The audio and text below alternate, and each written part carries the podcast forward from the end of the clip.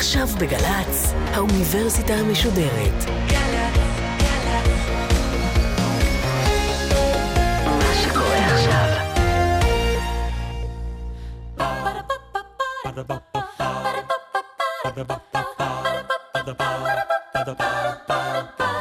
האוניברסיטה המשודרת מציגה מבוא ל עם קובי מידן, והסמסטר טקסטים מכוננים של הישראליות. והפעם שיחה עם הדוקטור חנה סוקר שווגר מאוניברסיטת בן גוריון על זיכרון דברים מאת יעקב שבתאי, עורכת ראשית מאיה גאייר. שלום לכם. כך מתחיל זיכרון דברים. אביו של גולדמן מת ב-1 באפריל, ואילו גולדמן התאבד ב-1 בינואר. ודווקא בשעה שנדמה היה לו שהנה בכוח ההינתקות וההתכנסות נפתח לו עידן חדש, והוא מצא לעצמו ראשית תיקון באמצעות הבולוורקר ואורח החיים המבוקר, ובעיקר באמצעות האסטרונומיה ותרגום הסומניום. צזר היה היחיד ששם לב לצירוף התאריכים המוזר הזה שבין מותו של גולדמן לבין מות אביו. ואף ציין זאת ימים אחדים אחרי הלווייתו של גולדמן. כשעמד במטבח עם ישראל, שמזג תה לשניהם, אבל הוא ציין זאת כאנקדוטה חסרת כל משמעות, משום שבאותו זמן כבר ויתר צזר בעצם על הכל, ולא היה מוכן גם למאמץ הקטן ביותר שמעבר לצרכיו המיידיים. ובתהליך הנואש של דעיכתו, כשהוא מוסיף ומתלבש לו בבגדי אופנה צבעוניים צעקניים, מגדל שפם, מעשן את הסיגריות המשובחות ביותר, זולל וסובב ורודף אחרי כל אישה הנקראת בדרכו, בעוד עיקר מחשבותיו ושארית כוח רצונו נתונים לבנו הבכור שחלה במחלה חשוכת מרפא, ושמצבו נעשה חסר תקווה. לא ראה עוד צזר את החיים, אלא כמפלה מעיקה ונטולת פשר, או כקוריוז גדול שיש להתענג עליו ככל שניתן. דבר אשר ברגעי ההתפכחות והחרטה שהיו תוקפים אותו מזמן לזמן, היה מכנה בכאב התאבדות עליזה. איזו פתיחה לרומן, ואיזה רומן. הרומן הראשון של יעקב שבתאי, זיכרון דברים, ראה אור בשנת 77, ובשורות האלה התוודענו, אם הצלחתם לעקוב אחרי הפיתולים, לשלושת הגברים שחולקים את תפקיד הדמות הראשית ביצירה. גולדמן, צזר וישראל. את גולדמן אנחנו פוגשים למעשה עם מותו, ולמעשה אין כאן זמן, כי הזמן נע ונד לפי איזשהו זרם תודעה לא מובן לנו. אה, נדבר על הרומן הגדול הזה עם הדוקטור חנה סוקר שווגר מאוניברסיטת בן גוריון, עורכת כתב העת מכאן. לענייננו הוא מחבר את הספר מכשף השבט ממעונות עובדים, יעקב שבתאי בתרבות הישראלית, שהתפרסם לפני כעשר שנים. שלום לך, דוקטור חנה סוקר שווגר. שלום. בואי נתחיל עם פסקת הפתיחה הזאת. כשאני שומעת את uh, פסקת הפתיחה, אני חושבת שכל אחד היה צריך לקבל uh, אותך בראש מקריא אותה. כי באמת יש משהו נורא מיוחד בכתיבה הזאת של uh, שבתאי, שאם קוראים את זה בקצב לא נכון, מאבדים אותו. יש שם גלריה אדירת מימדים של דמויות, ואם אתה לא קשוב בדיוק לקצב, אתה כבר אה, מאבד אותם. יחד עם זה, מתוך חוויית הקריאה שלי, עם צאת הספר, אני זוכר, שאם אתה מבין את המוזיקה, מתחבר למוזיקה של, של שבתאי, פתאום זה נפתח ופתאום בעצם יש כאן משהו נורא דיבורי. אבל בואי, נכון. בואי ננסה לפרק את זה למרכיבים. מבחינת מבנה המשפט, יש כאן מבנה משפט אופייני. המיתוס אז דיבר על כך שהספר כולו כאילו כתוב במשפט אחד. אה, זה נכון, הוא באמת כתוב כמעט במשפט אחד, אין שום חלוקה לפסקאות, לא חלוקה לפרקים. ובאמת, משפטים אה, נמשכים על פני כמה עמודים לפעמים. זה איזשהו מבנה מאוד מיוחד של, שהוא אפילו לא תקני בעברית, אה, כפי שקראתי למשל אצל חוקרת רינה בן שחר, אבל יש בו משהו מוזיקלי, ומשהו שמייצר איזה קשר בין התחביר לבין השיטוט. זאת אומרת, זה סיפור בעצם של שלושה גברים שמשוטטים כל הזמן בקילומטר מרובע בתל אביב בעיקר. בלב תל אביב, מרכז תל אביב, תל אביב, המרכז ההיסטורי הנוסטלגי של תל אביב. בדיוק. שם חלפה על שלושת הגברים האלה ילדותם, ועכשיו הם כבר אינם ילדים. נכון. ומרגישים את הדבר הזה, שהוא גם אה, אה, סיזיפי, אבל הוא גם אינטימי. הוא גם מתפרק, אבל עד שאתה לא מגיע לסוף, אתה לא יכול לעזוב אותו, הוא ממשיך להסתובב. וזה באמת משהו מיוחד ביצירה של שבתאי, שבאמת נתפסה כיצירה מפרקת, כיצירה ביקורתית. והוכרה עם צאתה, ממש בתוך זמן קצר מאוד כיצירת מופת. נכון. הקבלה שלה הייתה מיידית ומוחלטת. נכון. אחר כך התחילו קולות אחרים, שגם להם ננסה לתת פתחון פה פה.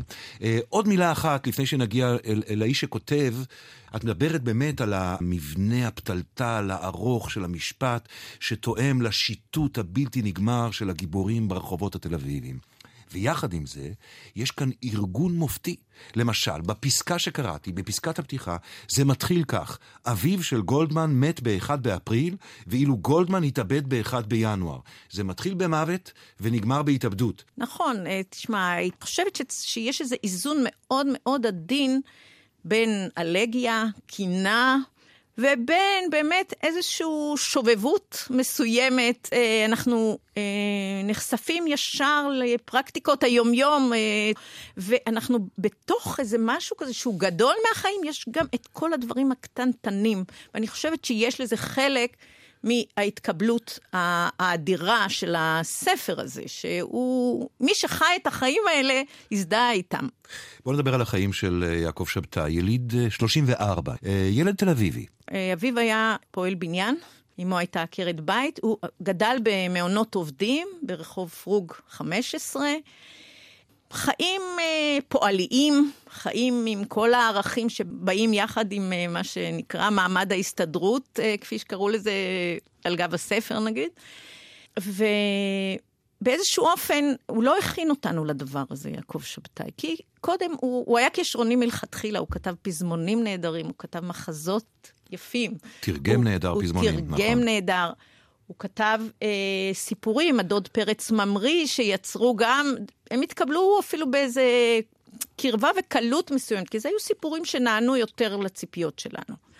ופה, כשהוא כתב את, את הרומן הזה, הייתה הפתעה מרעישה. ואפילו, אני זוכרת שמנחם פרי העיד שהוא אה, הוא ציפה לדוד פרץ ממריא, ופתאום, מה זה, שינו לו את הכללים, עד שהוא הבין שנולד לנו פרוסט. הוא, אומר, הוא אמר, אם אני זוכר נכון, ציפיתי לעוד יוסל ברגנר. כן. ופתאום הבנתי שזה פרוסט. נכון. אה, אני חושבת שמה שגרם לשינוי זה גם התקף הלב שיעקב שבתאי חווה קצת לפני זיכרון דברים, לפני אה, כתיבת זיכרון דברים. הוא היה אדם צעיר שהוא חטף את התקף הלב הראשון שלו, היה בן 36 או משהו כזה, וגם היה ברור, נדמה לי אז, שזאת מחלה שתגמור אותו די מהר. נכון. כלומר, הוא התחיל לחיות בגיל 36 עם אימת מוות. נכון. וזה ו... שינה, את אומרת, את הכתיבה שלו. כן, לחלוטין.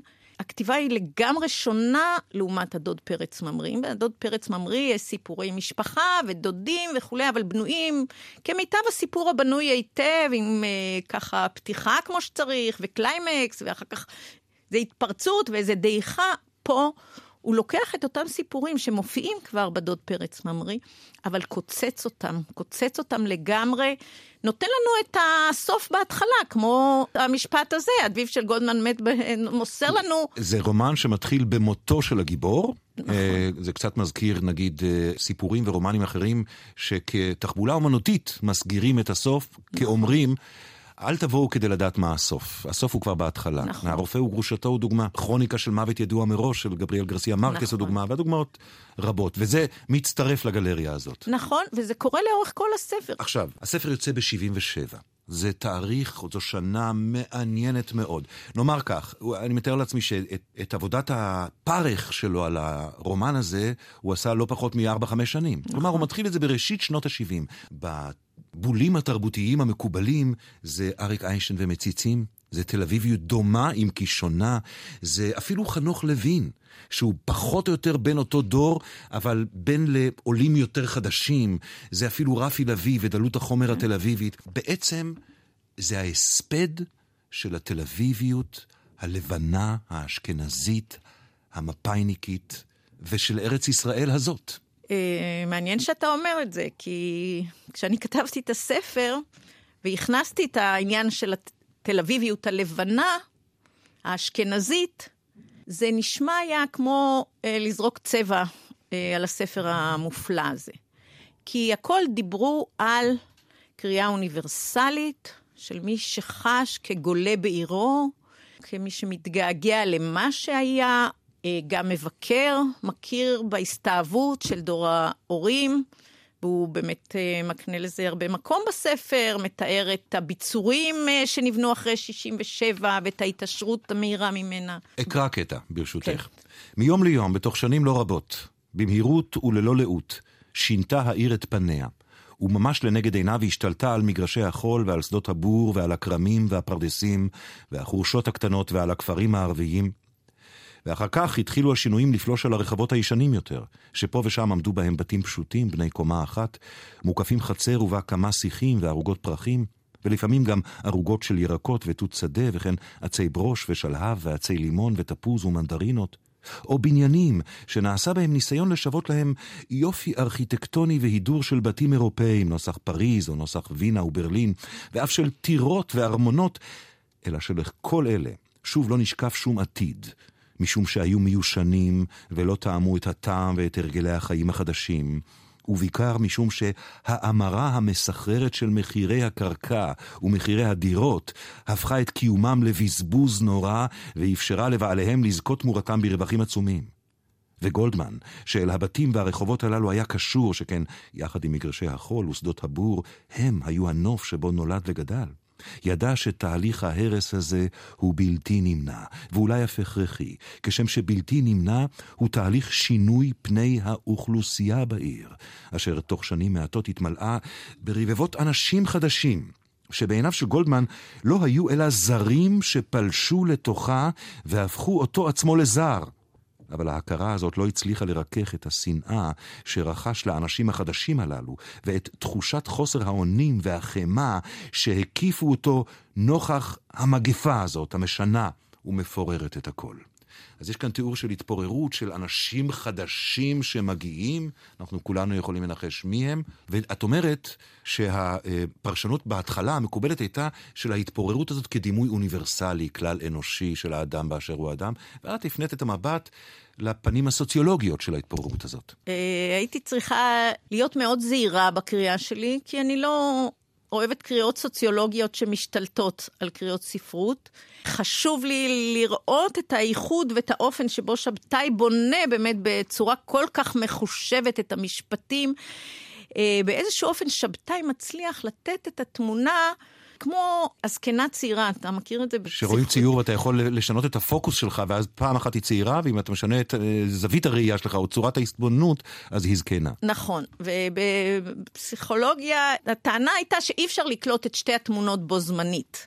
ומה שאני טוענת ששבתאי מצליח לתפוס את שתי התמונות. הוא בא בעת, מבקר את השבר הזה, מבקר את ההתפוררות, מבקר את ההסתאבות, אבל במבנה הזה, המיוחד התחבירי הזה, הוא מצליח לשמר גם את התמונה באיזה געגועים אלגיים כאלה.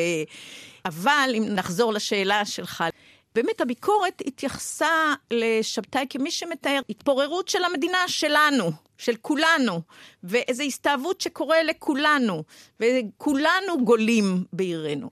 ומה שאני רציתי אה, להפנות את תשומת הלב זה ששבתאי הוא לא רק גולה, הוא גם בעל בית במידה מסוימת. הוא בעל בית, אה, הוא מי ששייך למעמד פריבילגי שניתן לו לבנות מעונות עובדים, ושבאופן מסוים הוא לא מתאר מי אלה שבאים, אבל אני כן, בעזרת אה, דליית מילים בודדות מתוך הטקסט, כי זה מוסווה, זה... אבל אני שואלת איך יכול להיות שהוא מנבא את 77, את מהפך 77, ולא נותן בכלל את הדעת לשאלת אלה שחשו זרים, האנשים החדשים שמכונים כאן המגפה המפוררת כל, פראים במקום אחר, הוא מכנה אותם. והיה חשוב לי לשאול את, של מי העיר הזאת. אני חושב שה, שהשאלה שלך היא חשובה, ואני אוסיף ואומר עוד דבר, שבעיניי אין סתירה בין ההתבוננויות השונות על הטקסט הזה, מכיוון שהוא מכיל אותן ואפילו נכון. מעשיר אותן. זאת אומרת, גם ההסתכלות האוניברסלית של האדם הגולה באשר הוא גולה, עם אולי אפילו ההסתכלות הקיומית, גם ההסתכלות הפסיכולוגית, וגם ההסתכלות הסוציולוגית, וגם, הוא לא פוליטיקלי קורקט, יש בו פגמים שהם תוצר של הזמן, כמו שאת אומרת, נקודות עיוורון. בעיניי זה לא פוגם דבר מהגדולה שלו של זיהוי תודעה ושל תיאור תודעה. עכשיו את מדברת על, על שתי התמונות, על העבר וההווה והעימות ביניהם, שמתקיימים בו בזמן בטקסט הזה של זיכרון דברים. נדמה לי שתסכים איתי שנקודת המוקד של הקונפליקט היא בין הדור של שבתאי והדור של הגיבורים, שלושת הגיבורים, או שלושת האנטי-גיבורים בספר, בינם לבין דור האבות שלהם. נכון. אז אנא תרחיבי מעט על זה. אז קודם כל, באמת, אה, שבתאי אה, נתפס כמי שהחזיר את ההורים ואת הסבים. אה, אצלו אליק לא נולד מן הים, כמו אצל משה שמיר, והוא באמת, הוא שם במוקד את המתח האדיפלי הזה בין האבות והבנים. אפשר אולי לראות את זה בצורה הכי ברורה דרך השם של גולדמן, אין לו שם פרטי. יש גולדמן, שזה השם של אביו של גולדמן, שזה בעצם הכפלה, ויש כלומר, ביניהם... כלומר, גולדמן מכונה גולדמן, ואביו כן. של גולדמן מכונה אביו של גולדמן. בדיוק. ותו לא. נכון. ובאמת, זה דור בנים שלא הצליח להתנתק מדור האבות. וזה ניכר גם ברומן הזה, באופן שבו הם... גולדמן עדיין גר אצל ההורים. הוא גר בחדר נעוריו, החדר לא השתנה מאז נעוריו, למעט שלושה שבועות שהוא היה נשוי לאמי מצ'רנוב היפה, ומנורה שהוא לקח ממתנות החתונה. יש משהו שהם מתנגדים לדור האבות, אבל במידה רבה הם גם משכפלים אותם. אה, צזר הנהנתן הזה, בעצם אביו הוא אולטרה נהנתן. אמנם הוא עדיין זוכר את עצמו במכנסיים קצרים, אה, סוציאליסט ובעל עקרונות, אבל בעצם הוא רודף נשים אובססיבי, וצזר בדיוק כמותו, עם בת ביקורתי מאוד על זה, אבל בלי יכולת להשתחרר מזה. גולדמן מתנכר לתחושה של אביו אל האלימות אה, הזאת מתוך יושרה. זאת אומרת, גולדמן מנסה להתנתק מזה, אבל במידה רבה הוא מסתובב זועם, הוא מלא חימה ומלא תוקפנות, בדומה לאביו, ולא מצליח להשתחרר. וזה דור בנים אבוד. במידה מסוימת. זה דור שגם בסוציולוגיה הישראלית נכון. נתפס, אה, החוץ-ספרותית, נכון. אה, נתפס כדור מסורס. יונתן שפירא כתב על הדור הזה שלא מצליח לפתח אינדיבידואליות, לא מצליח לפתח אוטונומיות, כי בעצם הדור האבות העביר להם איזו משימה מאוד מאוד כבדה, אבל היא כבר בוצעה, ולכן זה מין שיטוט חסר מנוח ברחובות. וצריך להגיד, להגיד עוד דבר אחד, שזה גם כמובן דיוקן קיבוצי של הדור הזה, הדור המסורס הזה, אבל גם דיוקן מרגש מאוד. ולא פשוט, מורכב מאוד, של דור האבות, אמנם תל אביבי, עם uh, הוויה פולנית שעדיין ניכרת בדירות, אבל גם הוויה סוציאליסטית של מפא"י של פעם, וגם מאוד ציונית. כל הערבוב הזה, זה ממש מצבה לתקופה הזאת. ובאמת, uh, ככה זה נתפס, בין מצבה לבין ביקורת, ובאמת... חושבת שייחודו של שבתאי שהוא הצליח להביא את הפוליפוניות הזאת של הדמויות על כל הסתירות. זה מתחיל משפט אחד, אף פעם לא מסיים לא עם אותה דמות ולא עם אותו רעיון. האם העובדה שאין כאן גיבור אחד, אלא יש כאן שלושה גיבורים, ולמעשה יש הרבה יותר גיבורים, היא משמעותית לדברים שאנחנו מדברים עליהם? כן, לדעתי שבתאי פיצל, כי לא יכול היה לתת דמות אחת, הוא לא עוקב אחר דמות אחת. כל הספר הזה הוא באמת פנורמה אדירת מימדים של תקופה בעת גסיסתה. זה מין התפוררות, מיתוס של התפוררות. ואפילו הדמויות שהן לא שלמות בחלקן, אפילו הייתה טענה ש... שדן מירון התלונן שישראל לא יצא מוגמר. אני חושבת שהאי מוגמרות הזאת... הדמות של כן, ישראל, כן. הדמות של ישראל. האי מוגמרות הזאת היא מכוונת פה. היא, ישראל הוא בעצם נע בין צזר וגולדמן, דווקא הוא חסר משפחתולוגיה. כדי לגעת מעט בגיבורים האלה, נקרא עוד קטע כמעט, כמעט מקרי. כלומר, okay. כן. ממש לא מקרי, אבל כמוהו יש רבים ונפלאים. הם uh, מסתכלים על בית קפה, ישבו שם אנשים, שוב, זה האנשים החדשים, אני מנחש. ישבו אנשים על שרפרפים ושיחקו דמקה וששבש, ושתו קפה טורקי בכוסות חרסין הקטנות ותה כהה עם נאנה, ומפעם לפעם פרצו בוויכוחים או השמיעו קריאות שהתערבו בקריאותיו של האיש המטגן את הדגים, שהיה לבוש כפועל בניין וחגור סינור מלוכלך, ועמד לפני היורה ופניו אל הסמטה וצעק מדי פעם דגים, דגים, והיכה במזלג הענקי שבידו בדופנות היורה. ישראל אכל את הדג באיטיות, ער ושווה נפש לכל ההמולה שסביבו. וכשגמר ניגב את ידיו בעיתון ישן, ושילם, ויצא והלך בשמש היוקדת, והניח לזיעה לזרום על פניו ועל צווארו. ועיניו שוטטו על פני הים הכחול הכסוף, שהיה עכשיו שקט מאוד, ועד מרטט עלה ממנו ועמד באוויר. שבועיים לפני כן עוד עשה את הדרך הזאת עם אלה, שהסתלקה בעקבות מריבה נוספת שפרצה ביניהם, ואשר במהלכה שוב דרש ממנה שתלך ולא תחזור עוד. והוא חשב, אם לא כדאי שילך אליה ויפייס אותה ויחזיר אותה אליו.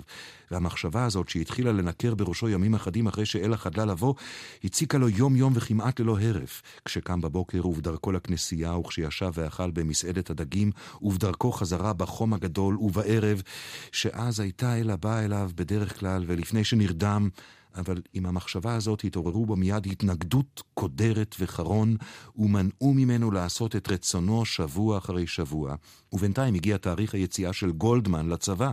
הוא שירת כחובש קרבי ביחידה שחנתה בסיני, ולערב היציאה הזמין את צזר ואת ישראל לארוחת ערב אצל הלפגוט. אלא ששעה קלה לפני המועד שנדברו להיפגש בו, טלפן צזר לישראל והודיע לו שלא יוכל לבוא משום שתהילה קנתה כרטיסים לסרט והיא מבקשת שיבלה את הערב הזה בחברתה. הוא נשמע מדוכדך וקצר רוח מאוד, ולפני שהניח את השפופרת אמר שמע, נמאס לי, החיים יצאו לי מהתחת. ואחרי שתיקה קצרה אמר, לא נותנים לחיות. הוא ביקש מישראל שימסור לגולדמן שהוא מרגיש לא טוב, ולכן לא יוכל לבוא ושיתנצל לפניו בשמו. טוב, אני חושבת שטוב שבחרת את הקטע הזה, כי מעבר לכל הדברים הגדולים שמסתתרים בספר, הוא עוסק באמת במערכות יחסים, אבל הוא מביא גם את האדישות הגדולה הזאת של אה, ישראל כאיזה מין אה, נוכח נפקד, קראתי לזה. אין לו בית, הוא גר בסטודיו של צזר. אה, הוא צריך לפנות כשצזר אה, מסמן לו. הוא לא עובד, הוא מנגן בעוגב ביפו, ואני מתארת לעצמי, אם אני זוכרת נכון, שזו תמונה בעצם על גבול יפו, ולכן אנחנו רואים את אלה שיושבים על השרפרפים וכולי, ומטגנים דגים. אבל יש את האלימות הזאת ואת ההתנכרות הזאת אה, יחד עם זה, ומצד שני איזה חיבור מאוד מאוד גדול בין הדמויות. כל אחד מחליף את השני באיזשהו אופן. ובעצם ש... החברות ביניהם, עם כל תהפוכותיה ושקריה, נכון. חזקה יותר במובנים מסוימים מהיחס שלהם לנשים. כמו שלא שמו לב שאין מזרחים, שמו לב שיש נשים והכל היה בסדר, רק שאחר כך הסתבר שהם לגמרי תחנות בשיטוט של הגברים האלה. והייצוג של הנשים הוא מאוד מאוד אינסטרומנטלי. יחד עם זה, אני חושבת שפה יש מודעות חזקה של שבתאי לדבר הזה, איזו פרודיזציה של הגבריות המסוכסת הזאת, ששמה לב אם היא התקרחה, וניסיונות הכיבוש האלה, ואולי יש אפילו קשר בין הכיבוש הזה וכיבושים אחרים. ובאמת, הקשר הזה עם אלה, בין ישראל, שאנחנו לא יודעים עליו כלום, אבל זה קשר שמלווה את הרומן מתחילתו ועד uh, סופו, כשהוא מבקר אותה בירושלים, כשהיא יולדת uh, בן, שהיא לא יודעת אם הוא בנו, ואני אגיד כאן משהו שאמרתי גם בהקשר קודם, שכפי שאת מצביעה בצדק, ואולי היית הראשונה שהצביעה, על הבעייתיות המסוימת ביחס של המספר לאישה, אינה פוגמת בגדולתו נכון. של הטקסט. אני אגיד משהו יותר, יותר אפילו קיצוני. כפי שאותה סצנה מאוד בעייתית בסרט מציצים, שאורי זוהר משפריץ על מונה זילברשטיין נכון. בצינור, וזה כמעט הטרדה מינית, אינה פוגמת בגדולתו של אני הסרט. אני מסכימה לגמרי, ואני חושבת שמזה אנחנו ממש צריכים להיזהר כשאנחנו מכניסים את פוליטיקת הזהויות. אני חושבת שליוצר מותר לא להיות פוליטי ונכון, אחרת ספרות תהיה בהחלט אה, משעממת, וכל מציצים הייתה יוצאת נפסדת, והספר הזה היה יוצא נפסד אם הוא היה אה, מצנזר את עצמו. על זה הסכמנו. הדוקטור חנה סוקר שווגר, לפני שנצלול לסיום, להתקבלות ולמכוננות של הטקסט הזה בתוך הספרות הישראלית, בתוך הפוליטיקה והתרבות הישראלית, מילה אי אפשר בלי על המיתוס של שבתאי, המיתוס של יעקב שבתאי, ואם מדברים על המיתוס, חייבים להתחיל באותה תמונה. טוב, אה, באמת אה, אני חושבת שאי אפשר לחשוב על שבתאי אה, בלי התמונה הזאת שלו כנער יפהפה. הוא בכלל בן 14 בתמונה הזאת, שבה הוא מופיע במדי השומר הצעיר. אתם אינכם רואים אותם מחמת מגבלות המדיום, אבל אם אתם הייתם רואים, הייתם מזהים, רואים אותו באמת נער יפה תואר בבגדי חאקי. נכון. התמונה מצולמת קצת מלמטה, וזה נותן לזה הירואיות סוציאליסטית כזאת, נכון. של הלוחם והמגשים. נכון, אה, הוא צולם אה, בעצם לאלבום העשור של מדינת ישראל. אה, יופיו והזווית באמת המיוחדת הזאת של הצילום והבלורית המתנוססת גרמה לכך שבאקראי הוא הגיע לכרזת הבחירות של התחייה. אה, בתור הנער אה, שייצג את ההתנחלויות.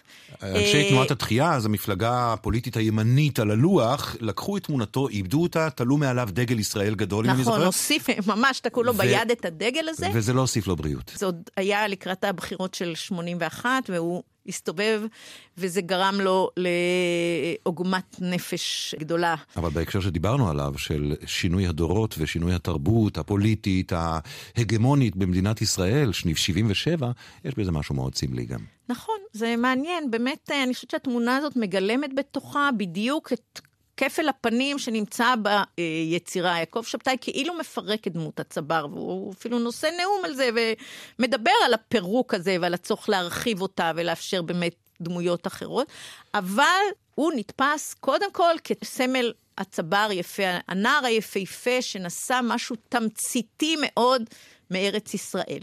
עכשיו, הוא באמת עבר וייצג את uh, תנועות הימין, את גוש אמונים, uh, והשאלה היא, האם זו גניבה? האם זו טעות בשיבוץ? או כפי שכתבה נועם ורד בעיתון נקודה, שמזוהה עם הימין, uh, אולי חל על זה דין הפקר אחר ייאוש בעלים. כלומר, עכשיו שאנחנו החלוצים, והחלוצים וה... האמיתיים זנחו את תפקידם, הסתאבו, עושים לביתם, אנחנו החלוצים האמיתיים, אנשי הימין, ההתנחלויות וכולי, ובאמת התמונה הזאת מגלמת את כל הסיפור. ובמילים אחרות, היא אומרת, אותה כותבת בנקודה, אותו ייאוש, שהוא הנושא, אחד הנושאים הבסיסיים של הספר הזה, הוא זה שמרשה לנו לקחת את זה כדי לייצר תקווה חדשה, לשיטתנו.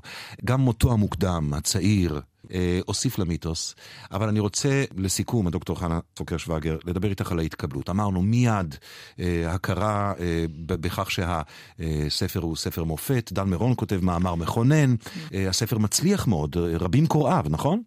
רבים קוניו, אוקיי. לא יודעת כמה הצליחו ממש לקרוא בעת הקנייה, אבל באמת, יש לדן מירון תפקיד מכריע בהיות הספר הזה מכונן. דן מירון היה תלמיד בכיתה יחד עם יעקב שבתאי. אפילו אה, יגאל סרנה תיאר את זה פעם, את הקשר ביניהם, יושבים מתחת למגדל המים בתל אביב, כמובן, איפה אם לא שם. והוא אמר, הנשיקה הזאת בין הנסיך והצפרדע היא שהולידה את הקנוניזציה המוחלטת הזאת של הרומן. אחר כך לאט לאט הצטרפו רבים, ואני חושבת שכמעט לא שמעתי ביקורת על היצירה, גם מנחם פרי, שהחליט להוציא את הרומן הזה לאור. יש לו תפקיד אה, משמעותי בקנוניזציה הזאת. עדנה שבתאי יש לה תפקיד אדיר בקנוניזציה של יעקב שבתאי. כן. אחד הקולות המעניינים בביקורת שנמתחה ונמתחת על, אה, על שבתאי וזיכרון דברים הוא של אה, המבקר והמשורר ציון ברטנה. אני אקרא קטע קטן. הוא יוצא כנגד ההנחה השרירותית שגבר תל אביבי, חניך הארץ, על סף גיל העמידה, חילוני, בן המעמד הבינוני, בעל משפחה ממוצעת, שעיקר עיסוקיו טיפול בזהותו המתמוטטת מתוך מודעות לזמן החולף, ומתוך מודעות להזדקנות עולם הוודאויות של ילדותו ולהתפוררותו, ועיסוק אובססיבי בארוס כפתרון לא פתרון, הוא המייצג האופייני של המצב הישראלי העכשווי. נראה לי כי מה שמסתתר מאחורי טענה שרירותית זו, שזה הגבר שמייצג, הוא זהותם האישית של אנשי הספרות הפופולרית היום. הם בגיל הנידון, הם בעלי זהות ישראלית דומה למתוארת. בקיצור, אומר אור ציון ברטנה, כולכם חבורה מאותו בית קפה. נכון, נכון. והיום, במרחק של 40 שנה, איזה מקום תופס הספר הזה בתוך החלל התרבותי והספרותי? בישראל. אני חושבת שללא עוררין הספר הזה נבחר כספר הטוב ביותר שנכתב מאז קום המדינה, ויש עליו קונצנזוס אה, מבחינה אה, זאת. אני חושבת שעדיין צעירים אה, הם לא רבים. הם uh, תמיד קמים מתוך כיתה, איזה שלושה מארבע כנפות, בדרך כלל uh, גברים, ומספרים שזה רומן ששינה את חייהם. אז אני חושבת שהוא עדיין רלוונטי, הוא ספר תובעני מאוד. אז לסיום ארשה לעצמי שתי הערות בלתי אקדמיות, למרות שאנחנו במסגרת האוניברסיטה המשודרת. ראשית, שגם את חיי הוא שינה, הספר הזה. ושנית, שאם אתם אה, או אתן אה, רוצים רוצות לקרוא, בעקבות השיחה שלנו נגיד, תנו לו ימי חסד של נאמר 20-30 עמודים. אחרי 20-30 עמודים משהו עשוי להיפתח, משהו במוזיקה עשוי להתבהר, והקריאה תהיה הרבה פחות תובענית מאשר נדמה בעמודים הראשונים. אני מסכימה לחלוטין. עד כאן על זיכרון דברים של יעקב שבתאי. דוקטור חנה סוקר שווגר, תודה רבה לך על השיחה הזאת. תודה רבה, קובי.